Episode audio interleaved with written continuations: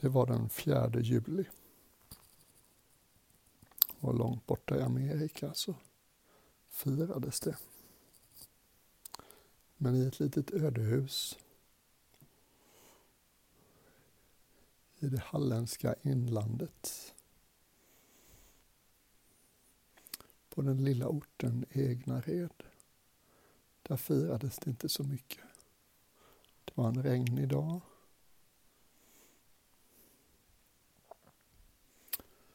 Och en ensam och lite luggsliten kattmamma födde tre ungar utan någon människa närvarande. Hon hade fött ungar många gånger förr.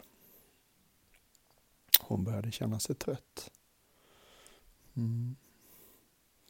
Hon födde två pojkar och en flicka. Och den här historien handlar bara om en av pojkarna. Som hette Sebastian. Mera känd som Sebbe.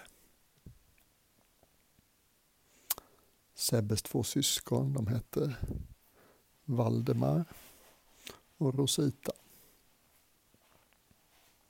Och deras liv började som kattungars liv ofta börjar.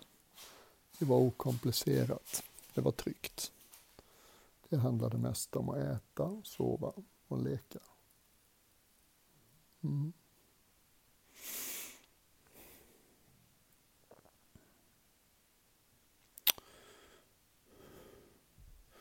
Och mamma var noga med att få mat i sig så hon skulle ha mjölk till sina små.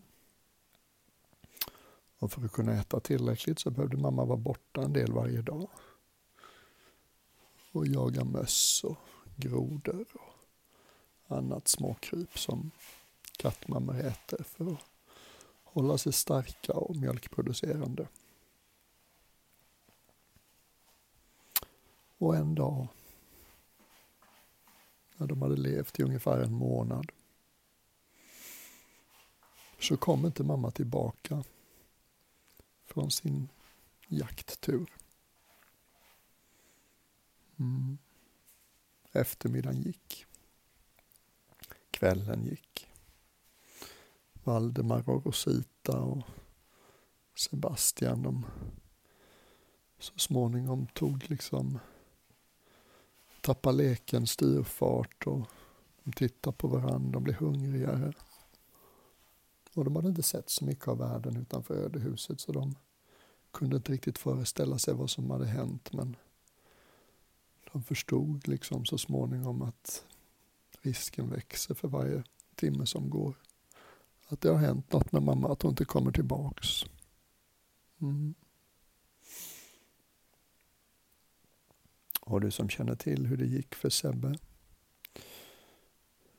Du vet också att hans mamma kom aldrig tillbaks. Det är fortfarande höljt i dunkel vad som hände henne. Mötte hon en hund som satte punkt för hennes liv? Mötte hon en bil eller traktor eller jägare eller något annat djur som satte punkt för hennes liv? Det vet ingen.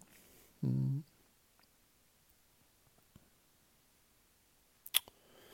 Ingen vet heller hur det kom sig att Sebastian så att säga skildes av ifrån sina syskon Rosita och Valdemar.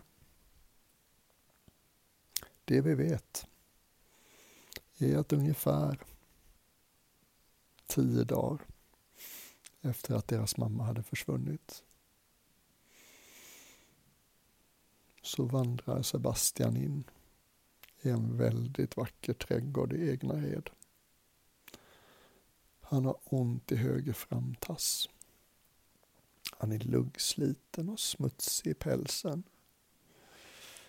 Han har ögonen som rinner utan att veta varför. Hans öron är fulla av skabb och det som skabben producerar. Det är alldeles svart i öronen, han hör nästan ingenting. Och han har liksom tappat det lite. När man är sex veckor gammal så kan man inte riktigt jaga själv än. Så han har ju försökt men i princip har han druckit dåligt vatten från stillastående pölar. Fått i sig lite långsamma små insekter men inte mycket mer. Han är jättehungrig, han är dålig i magen. Han har ont i öronen och ont i ögonen. Pälsen är tunn och man ser liksom skinnet under fjunen. Mm. Och när han kommer ur det höga gräset, kliver in på en välskött gräsmatta, så står det två ganska vuxna människobarn där. Han vet inte då, men det visar sig sen att den heter Helena och en heter Anders. Han tittar lite på dem. Det dyker upp en jättestor katt, inte helt olik hans mamma. Den verkar i huvudsak vänlig. Han är försiktig. Han har varit väldigt ensam i tio dagar. Han saknar sin mamma. Han saknar sina syskon Rosita och Valdemar. Mm. Han gör liksom en bedömning. Mm. Nej, jag tar chansen. Jag närmar mig de här människobarnen. De står lugnt kvar och väntar på att han ska närma sig dem. De vill inte skrämma honom. Han kommer fram och luktar lite på deras anklar och ser sig om, håller koll på den stora katten som håller ett respektfullt avstånd och inte beter sig aggressivt på något vis. Och sen lyfter det kvinnliga människobarnet Helena upp honom. Mm. Det känns fortfarande bra. Mm. Han blir påmind om hur mycket han saknar sin mamma när han ligger i hennes händer mot hennes bröst. Mm. Det känns väldigt bra att inte vara så ensam längre. Mm. Det känns väldigt bra med någon som håller om en, håller i en. Får kontakt med någonting utanför sig själv. Mm.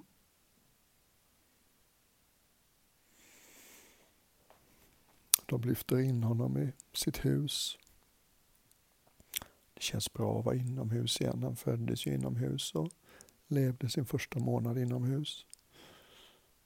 Och sen har ju utomhus kommit att förknippas med farligt liksom. För det sen hans mamma försvann så har han vandrat runt utomhus och försökt att hitta mat och vatten. Och det har bara känts farligt och ensamt och jobbigt. Så det är gott att vara inomhus egentligen. Hemmet är mycket mer färgglatt än hemmet där han föddes. Det finns fullt av vackra textilier i olika färger. Hade Sebbe varit lite mer berest så hade han kanske tänkt Indien eller så när han såg de här sidentrycken. Och Helena ställer ner honom framför en matskål. Han fattar inte då att det är en matskål men det är en vacker liten keramikskål och där ligger det små bruna pluppar som luktar gott. Sebbe är förstås utsvulten så han nosar lite på dem och bekräftar att det här luktar som något som man kan äta. Han börjar tugga på en. Det smakar gott. Mm. Det smakar lite som fisk. Och när han väl har börjat äta så kan han nästan inte sluta. Han tuggar och tuggar och tuggar. Och det är lite hårdare än han hade tänkt sig. Och Det är lite jobbigt att tugga så mycket men samtidigt kände han att det var liksom gott att få något att sätta tänderna i. Mm. Mm. Medan jag berättade här så rev Sebbe just ner en bordslampa i soffan. Han ser lite förvånad ut. Ja, tillbaks till historien. Mm. Mm. Och till slut så har han ätit klart. Och han är för första gången på flera veckor alldeles, alldeles mätt. Och hela hans kropp liksom bara strömmar en lågmäld lycka. Mm. Människobarnen finns där bakom honom hela tiden och det känns fint. Mm. Eller bredvid skålen med maten så finns det en skål med rent vatten. Det är ljuvligt att äntligen få tag på rent vatten. Efter allt smutsigt vatten och allt konstigt vatten som Sebbe har tvingats dricka de senaste tio dagarna. Mm. Och när han har lapat klart vatten så lyfter det manliga människobarnet Anders upp honom försiktigt. och så sätter de sig på en ljuvlig terrass som går i solgult. Mm.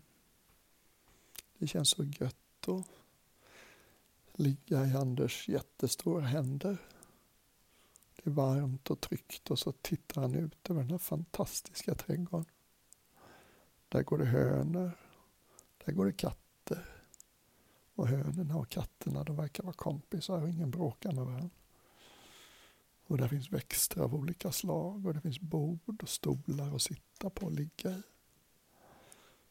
Och långt, långt, långt borta genom en grön allé så står det ett vackert guldägg alldeles stilla. Mm. Och Sebbe börjar för första gången på tio dagar känna någonting som liknar hopp. Det här kanske kan bli bra ändå. Ha. Tänk vad jag har mycket framför mig att utforska i den här trädgården, det här huset. Och de här människobarnen verkar i huvudsak vara schyssta. Mm. De ger mig mat, de håller om mig. Mm.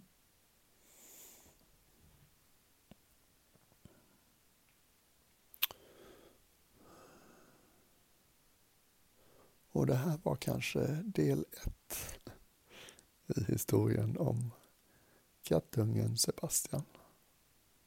Hej då!